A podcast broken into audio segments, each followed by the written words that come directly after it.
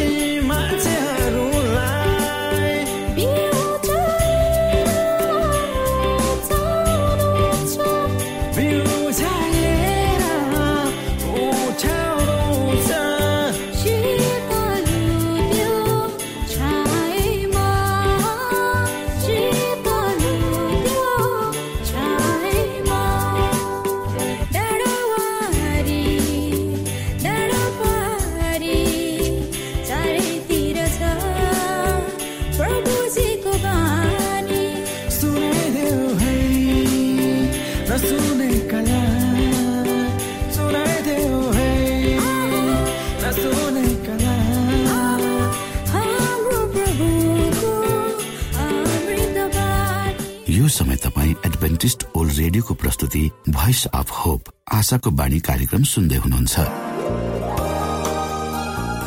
तपाईँ आशाको बाणी कार्यक्रम सुन्दै हुनुहुन्छ। हामी आशा गर्दछौ कि तपाईँले हाम्रा कार्यक्रमहरू सुनेर आनन्द लिनु भएको छ। यदि तपाईँ हाम्रो तर्फबाट सानो उपहार प्राप्त गर्न चाहनुहुन्छ भने कृपया गरेर हामीलाई Bible at the rate AWR dot ओआरजीमा लेखी पठाउन सक्नुहुनेछ। अथवा हाम्रो वाट्सएप नम्बर प्लस एक दुई दुई चार दुई दुई दुई जिरो सात सात सातमा फोन गरेर सम्पर्क गर्न सक्नुहुनेछ। श्रोता मित्र यो समय हामी पास्टर उमेश पोखरेलबाट आजको बाइबल सन्देश सुन्नेछौ। श्रोत साथी न्यानो क्रिस्टी अभिवादन। साथ म तपाईँको आफ्नै आफन्त अर्थात् पास्टर उमेश पोखरेल। परमेश्वरको वचन लिएर यो रेडियो कार्यक्रम मार्फत पुनः तपाईँहरूको घर आँगनमा उपस्थित भएको छु। श्रोता मलाई आशा छ तपाईँले हाम्रा कार्यक्रमहरूलाई नियमित रूपमा सुन्दै हुनुहुन्छ र परमेश्वरका आशिषहरू प्राप्त गर्दै हुनुहुन्छ। आउनुहोस् तपाईँ हामी केही समय परमेश्वर सँगसँगै बिताउ। आजको प्रस्तुतिलाई पस गर्नुभन्दा पहिला म परमेश्वरमा अगुवाईको लागि बिन्ती राख्छु जीवित जिउँदो महान दयालु परमेश्वर प्रभु हामी धन्यवादी छौँ यो जीवन र जीवनमा दिनुभएका प्रशस्त आशिषहरू। यो रेडियो कार्यक्रमलाई प्रभु म तपाईँको हातमा राख्दछु। यसलाई तपाईँको राज्य र महिमाको प्रचारको खातिर यो देश र सारा संसारमा तपाईँले ताकि धेरै मानिसहरूले तपाईँको ज्योतिलाई यो कार्यक्रममा देख्न र बुझ्न सक्नु सबै बिन्ती प्रभु यीशुको नाम।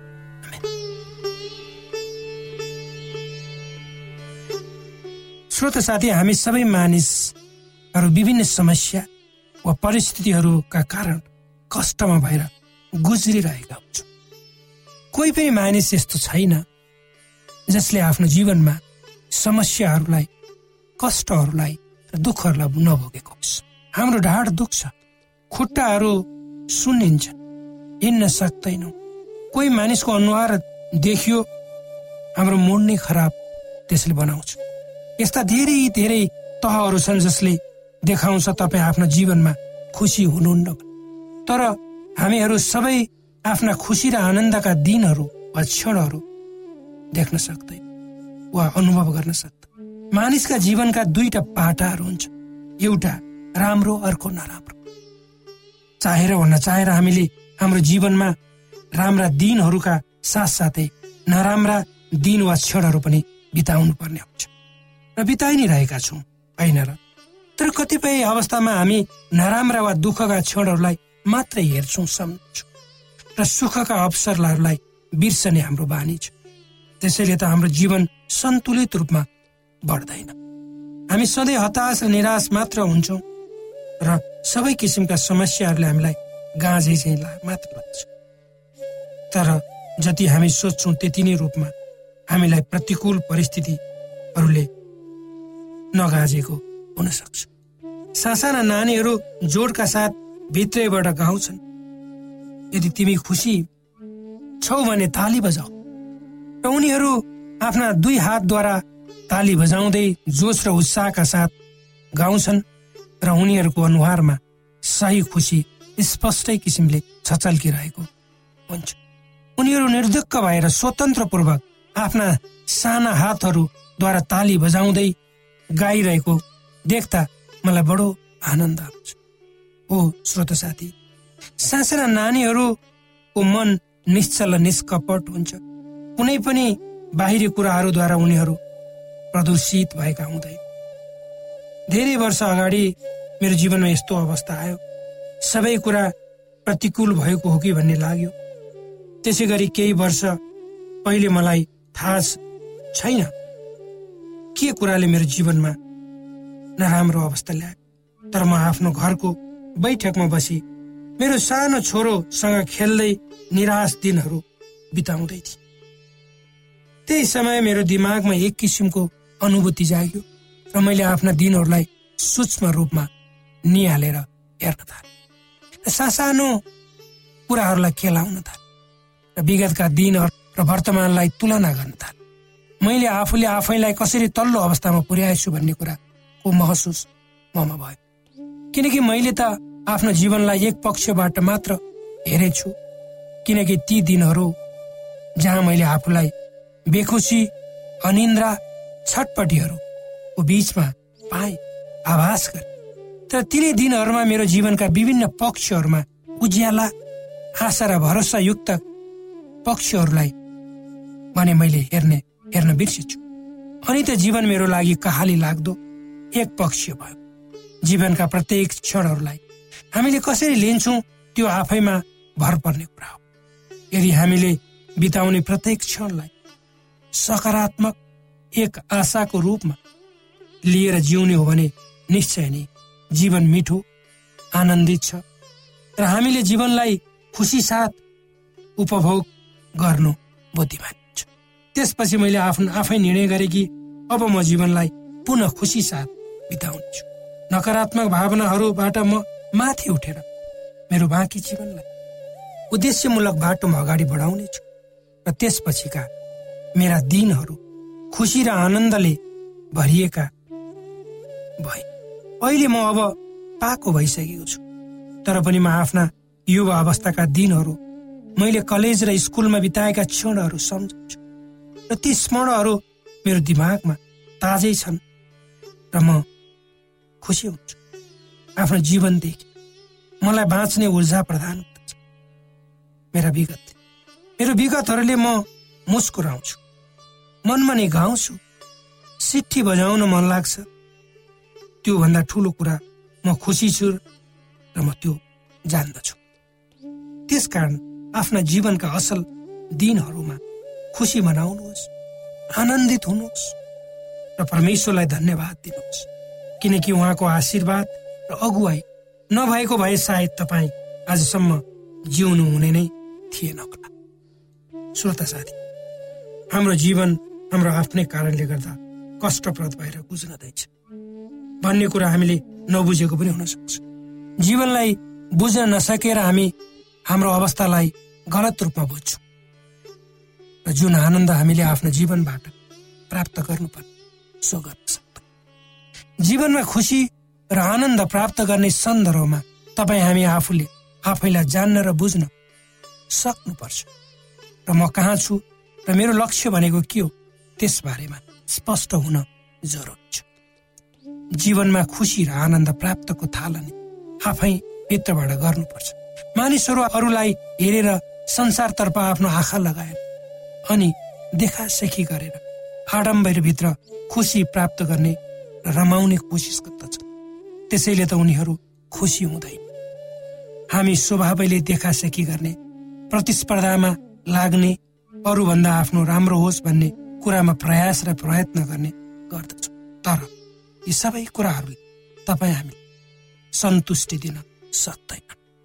कतिपय मानिसहरूसँग जब हामी कुरा गर्छौँ सङ्गत गर्छौँ उनीहरूले आफ्नो बारेमा बढाइ चढाइ गरेर पेश गर्दछ अर्थात् जुन अवस्था उनीहरूको छ त्यसलाई नदेखाई अरूको तुलनामा आफू माथि पुग्ने नाउँमा बनावटी रूपमा आफूलाई प्रस्तुत गर्दछ। त्यसले केही समय उनीहरूलाई आफ्नो अभिष्ट पुरा गर्न मद्दत त गर्ला तर त्यो एक दिन छताछुल्ल अवश्य हुनेछ। अर्थात् वास्तविकता सामु आउनेछ। छिट्टै। तपाईँ र म जब नराम्रो बाटोमा लाग्छु हामीले एउटा गलत कुरालाई टाकछोप गर्न कयौँ गलत कुराहरू गर्नुपर्ने हुन्छ। त्यसैले त्यसले तपाईँ हामीलाई शान्ति र आनन्द कदापि दिँदैन। दिन्छ भने भित्री पीडा र वेदनाद्वारा हामी दिन प्रतिदिन तडपिँदै जिउँदो लास भएर जिउन बाध्य हुन्छौँ। त्यस्तो जियाई निश्चय नै मिठो अवश्य होइन। श्रोता साथी तपाईँ जहाँ जस्तो सुकै परिस्थितिमा हुनुहुन्छ त्यहीबाट जिउने प्रयास अर्थात् आफ्नो जीवनको जियाई त्यही वास्तविक धरातल जहाँ तपाईँ उभिनु भएको छ त्यहीबाट गर्नु। त्यो बुद्धिमाने हुन्छ जति छ त्यसैमा सन्तुष्ट मान्ने तर प्रयत्न भने गरि नै अनि जीवनका प्रत्येक दिनहरूमा जे जति गर्न सकिन्छ राम्रो काम गर्नु। र सकारात्मक विचार साथ जीवनलाई परमेश्वरको भरोसामा छोडिदिनुपर्छ आजको काम आजै गर्नु र भोलिलाई भनेर नराख्नु बुद्धिमानी काम। कतिपय मानिसहरूको बानी काम साँच्ने हुन्छ। त्यसले तपाईँ हामीलाई समयमा आफ्नो काम गर्ने बानीबाट टाढा राख्छ र हामी आफ्नो लक्ष्यमा कदापि पुग्न सक्दैन। त्यसै कारण आजको दिन आजैको लागि सबै क्षेत्रहरूमा गर्नुपर्ने काम गर्नुपर्छ परमेश्वरले तपाईँ यो जीवन दिनुभएको छ। यो त परमेश्वरको उपहार नाश। यो जीवनलाई तपाईँ र मैले उपभोग गर्नु शान्तिको आनन्दको प्रगतिको लागि समुन्नतिको यो जीवन सुगन्धित छ र त्यो मिठो र सुगन्धित जीवनलाई हामीले संरक्षण गर्नुपर्छ यसलाई चाख्नुपर्छ र हामीलाई हामीले यसबाट आनन्द उठाउनुपर्छ यही वचनहरूले तपाईँलाई आशिष दिउ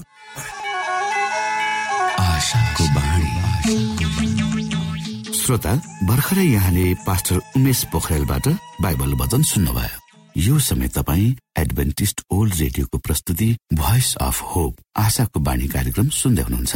कार्यक्रम सुनेर बस्नुहुने सबै श्रोतालाई हामी हाम्रो कार्यक्रममा स्वागत गर्न चाहन्छौ। श्रोता मित्र यदि तपाईँ जीवनदेखि हरेस खानु भएको छ तपाईँका जीवनमा धेरै अनुत्तरित प्रश्नहरू छन् भने आउनुहोस् हामी तपाईँलाई परमेश्वरको ज्योतिमा डोहोऱ्याउन चाहन्छौ। र तपाईँ आफ्नो जीवनका चिन्ता फिक्रीबाट निश्चिन्त हुनुहोस् र बाँच्नुको आनन्द परमेश्वरको सामिप्यमा कति मिठो हुन्छ त्यो चाख्नुहोस् भनी हामी चाहन्छौँ। श्रोता यदि तपाईँ आशाको बाणी कार्यक्रमलाई अनलाइन सुन्न चाहनुहुन्छ वा डाउनलोड गर्न चाहनुहुन्छ भने डट ओआरजीमा जानुहोस्। त्यहाँ तपाईँले प्रत्येक दिनको कार्यक्रम सुन्न र डाउनलोड गर्न सक्नुहुनेछ। हाम्रो वेब पेज यस प्रकार छ। डब्लु डट श्रोता यदि तपाईँ हामीसित सिधै फोनमा सम्पर्क गर्न चाहनुहुन्छ भने हाम्रा नम्बरहरू यस प्रकार छन्। अन्ठानब्बे एकसाठी पचपन्न शून्य एक सय बिस। अन्ठानब्बे एकसाठी पचपन्न शून्य एक सय बिस। र अर्को अन्ठानब्बे अठार त्रिपन्न पन्चानब्बे पचपन्न। अन्ठानब्बे अठार त्रिपन्न पन्चानब्बे पचपन्न।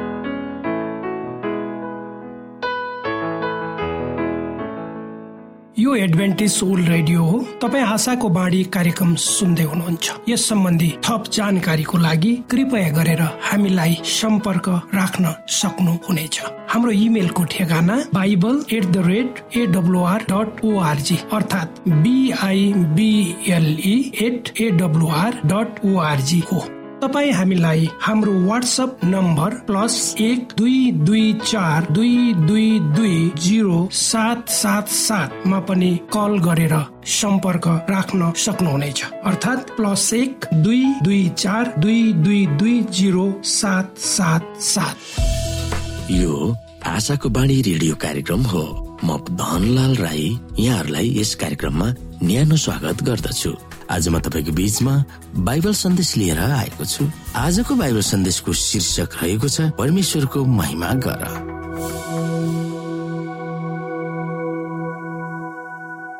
श्रोता परमेश्वरलाई महिमा दियो भनेर प्रकाश चौध अध्यायको साथले हामीलाई बारम्बार भनिरहेको छ। अथवा यो परमेश्वरलाई महिमा दियो भन्ने वाक्य पुरानो करारमा पनि प्रयोग गरिएको छ? पुरानो करारमा प्रयोग गरिएको त्यो वाक्यको बारेमा अध्ययन गर्दा त्यसको अर्थ रोचक भएको भेटाइएको छ। यो वाक्य प्राय जसो परमेश्वरको न्यायको सन्दर्भमा प्रयोग गरेको हामी पाउँछौ। सात अध्यायको उन्नाइस एक समय छ अध्यायको पाँचमा एर्मिया तेह्रको पन्ध्र मलाकी दुई अध्यायको दुईमा। जुन तरिकाले यहाँ पहिलो स्वर्गदूतले प्रयोग गरेका थिए प्रकाश चौधको साथमा त्यही तरिकाले पुरानो करारमा पनि प्रयोग गरिएको हामी पाउँछौ। यही धारणा प्रकाश उन्नाइस अध्यायको एक र दुईमा पनि देखिएको छ। त्यसपछि मैले स्वर्गबाट एउटा ठुलो भेटले चर्को स्वरमा यसो भनिरहेको जस्तो सुने हल्लेलुया मुक्ति महिमा र शक्ति हाम्रा परमेश्वरका हुन् किनकि उहाँका इन्साफ र सत्य न्यायसँग छन्। सारा पृथ्वीलाई आफ्नो व्याविचारले भ्रष्ट पार्ने त्यस महावेश्यालाई उहाँले दण्ड दिनुभएको छ र उहाँका दासहरूका रगतको बदला लिइसक्नु भएको छ। हामीले परमेश्वरको महिमा कसरी गर्न सक्छौँ भनेर दिएका पदहरूले हामीलाई बुझाउन खोजेको छ। हामी हेर्न सक्छौ यहाँनिर एक कोरन्थीको तीन अध्यायमा। के तिमीहरूलाई थाहा छैन? तिमीहरू परमेश्वरका मन्दिर हौ र परमेश्वरको पवित्र आत्मा तिमीहरूका भित्र बास गर्नुहुन्छ। कसैले परमेश्वरको मन्दिरलाई नष्ट गर्छ भने परमेश्वरले त्यसलाई नष्ट गर्नुहुनेछ। किनकि परमेश्वरको मन्दिर पवित्र हुन्छ र त्यो मन्दिर तिमीहरू नै हौ। व्याविचारदेखि अलग्ग बस्छ अरू जुनसुकै पाप जो मानिसले गर्दछ त्यो शरीरबाट बाहिर हुन्छ। तर व्याविचार गर्ने मानिसले आफ्नै शरीरको विरुद्धमा पाप गर्दछ। तिमीहरूको शरीर पवित्र आत्माको मन्दिर हो जुन पवित्र आत्मा तिमीहरूले परमेश्वरबाट पाएका छौ। र उहाँ तिमीहरूमाथि बास गर्नुहुन्छ। यो भन्ने के तिमीहरूलाई थाहा छैन? तिमीहरू स्वयं आफ्नै होइनौ तिमीहरू मोल तिरेर किनिएका हो। यसकारण तिमीहरूका शरीरमा परमेश्वरको महिमा गर। र यसकारण चाहे तिमीहरू खाओ पियो अथवा तिमीहरू जेसुकै गर सबै परमेश्वरको महिमाको निम्ति गर भनेर एक कुरन्तीको दसको एकतिसमा भनिएको छ। हाम्रो भौतिक शरीरको विषयमा प्रेरित पावलको धारणा स्पष्ट छ। हाम्रा भौतिक शरीरहरू परमेश्वरको पवित्र स्थान आफै हो। तिनीहरूमा परमेश्वरको आत्माले बास गर्नुहुन्छ। यसले हाम्रो मरणशील शरीर भौतिक मात्र होइन आत्मिकी पनि हो भनेर पुष्टि गर्दछ। परमेश्वरको उपस्थितिले मन्दिर पवित्र हुन्छ। हाम्रो जीवनको प्रत्येक पक्षले परमेश्वरको महिमा गर। उहाँको इज्जत थाम भनेर बाइबलले ठुलो स्वरले हाम्रो सामु घन्काउँदछ। जब हामीले हाम्रो जीवनको केन्द्रबिन्दु परमेश्वरलाई बनाउँछौ तब हामीले जे गरे तापनि उहाँको महिमा गर्ने लक्ष्य र चाहनाले अघि बढ्छौ। हाम्रो खानपिनमा हामीले लगाउने वस्त्रले हामी सरिक हुने मनोरञ्जनले हाम्रो जीवनशैलीले वा अरूहरूसँग गर्ने अन्तर्क्रियाले हाम्रो होइन परमेश्वरको महिमा गर्न र उहाँको इज्जत राख्न गर्छौँ। जब परमेश्वरको इच्छा पूरा गर्न हामीमा भएको प्रेमको चरित्र स्वभाव र मिजाजलाई संसारको सामु प्रकट गर्न प्रतिबद्धता जनाउँछौँ र त्यस अनुसार चल्छौँ। तब उहाँको महिमा गर्छौँ र उहाँले उहाँको नाउँ र इज्जतलाई थामी राख्छौँ। युगको अन्तमा हुने न्यायको परिवेशमा यो त झन महत्वपूर्ण छ। हाम्रो जीवन आंशिक आत्मिकतामा मात्र होइन र हाम्रा निर्णयहरू पुरै रूपमा समर्पण गर्नुपर्छ भनेर पावलले जिकिर गरेका हामी रोमी बाह्र अध्यायको एक र दुईमा हेर्न सक्छौ। यसकारण भाइ हो परमेश्वरको कृपालाई ध्यानमा राखी म तिमीहरूलाई अनुरोध गर्दछु कि तिमीहरूको आत्मिक उपासनाको रूपमा आफ्ना शरीरलाई पवित्र र परमेश्वरलाई ग्रहण योग्य हुने जिउँदो बलिको रूपमा अर्पण गर। यस संसारको ढाँचामा नचल तर आफ्नो मनमा नयाँ भई पूर्ण रूपले परिवर्तित हो र परमेश्वरको असल ग्रहण योग्य र सिद्ध इच्छा के हो त्यो तिमीहरूले जाँच्न सक भनेर रोमी बाह्र अध्यायको एक र दुईमा लेखिएको छ। ग्रिक भाषामा लेखिएको नयाँ करारमा शरीरहरू सोमाटा भनेर भनिन्छ। यसमा पुरै भौतिक शरीरको संरचना मगज वा दिमाग र आत्मिक वा भावनाहरू समेटिएको छ। अङ्ग्रेजी भाषाको बाइबल अनुवाद फिलिपसले ग्रहण योग्य सेवालाई परमेश्वरको आराधना बौद्धिक तरिकाहरू अप्नाएर गर्नुपर्छ भनेर लेखिएको छ। अर्थात् जब हामी परमेश्वरको भय मान्छौँ र उहाँको महिमा गर्छौँ तब हाम्रा सबै दिमाग वा मगज विवेक भौतिक शरीर र भावनाहरू उहाँलाई सुम्पनु नै बुद्धि पुर्याएर आराधना गर्नु हो। अर्थात् परमेश्वरको आराधना केवल आत्मिक र भावनात्मक वा सम्वेकमा मात्र गरिँदैन हाम्रो पुरै जीवनलाई बौद्धिक स्तरमा राखेर गर्नुपर्छ। फेरि परमेश्वरको न्यायको बारेमा आत्मा ज्ञान पाएपछि उहाँको आज्ञालाई सिरोपर गरेर चल्नु नै हाम्रो निम्ति उत्तम छ भनेर हामी बुझ्दछौ अन्तिम श्रोता तपाईँको शरीरलाई तपाईँले के गर्नुहुन्छ? त्यसको बारेमा हामी सोच्न सक्छौँ। तपाईँले जे गर्नुहुन्छ त्यसले परमेश्वरको महिमा र इज्जत थामिरहेको छ भनेर तपाईँ कसरी ढुक्क हुन सक्नुहुन्छ? त्यो विषयमा तपाईँ हामी सोच्न सक्दछौँ।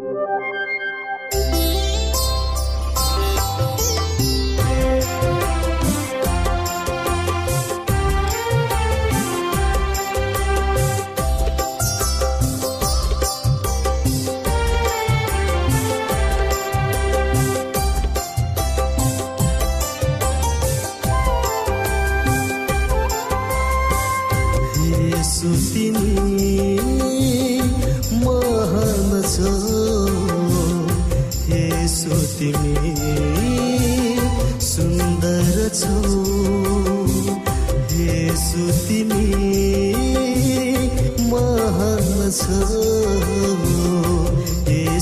तिमी सुन्दर छौ तिम्रो नामको प्रशंसा गर्दछु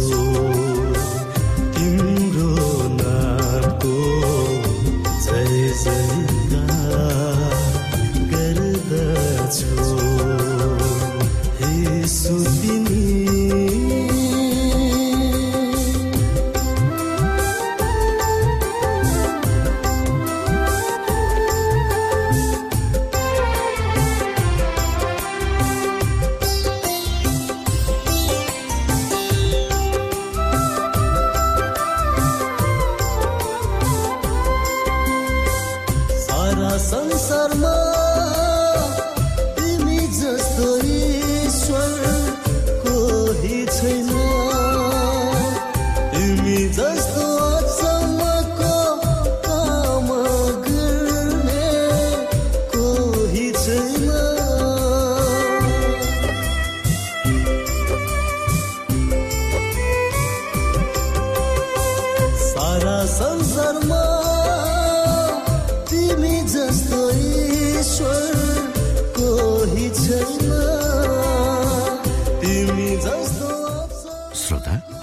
पत्राचार गर्ने हाम्रो ठेगाना यस प्रकार छ। आशाको बाणी पोस्ट बक्स नम्बर दुई शून्य शून्य शून्य दुई काठमाडौँ नेपाल। श्रोता यदि तपाईँ हाम्रो स्टुडियोको नम्बरमा सम्पर्क गर्न चाहनुहुन्छ भने हाम्रा नम्बरहरू यस प्रकार छन्। अन्ठानब्बे एकसाठी पचपन्न शून्य एक सय बिस। अन्ठानब्बे एकसाठी पचपन्न शून्य एक सय बिस। र अर्को अन्ठानब्बे अठार त्रिपन्न पन्चानब्बे पचपन्न। अन्ठानब्बे अठार त्रिपन्न पन्चानब्बे पचपन्न। हाम्रो इमेल एड्रेस यस प्रकार छ Nepal at AWR dot ORG यदि तपाईँ हामीलाई अनलाइन सुन्न चाहनुहुन्छ वा डाउनलोड गर्न चाहनुहुन्छ भने तपाईँ डब्लु डट एडब्लुआर डट ओआरजीमा जानुहोस् र त्यहाँ तपाईँले हाम्रो सबै कार्यक्रमहरू सुन्न सक्नुहुनेछ। हवस् त श्रोता भोलि फेरि यही स्टेशन र यही समयमा यहाँसँग भेट्ने आशा राख्दै प्राविधिक साथी राजेश आडा पास्टर उमेश पोखरेल र कार्यक्रम प्रस्तुता म रवि। यहाँसँग विदा माग्दछौ। नमस्कार।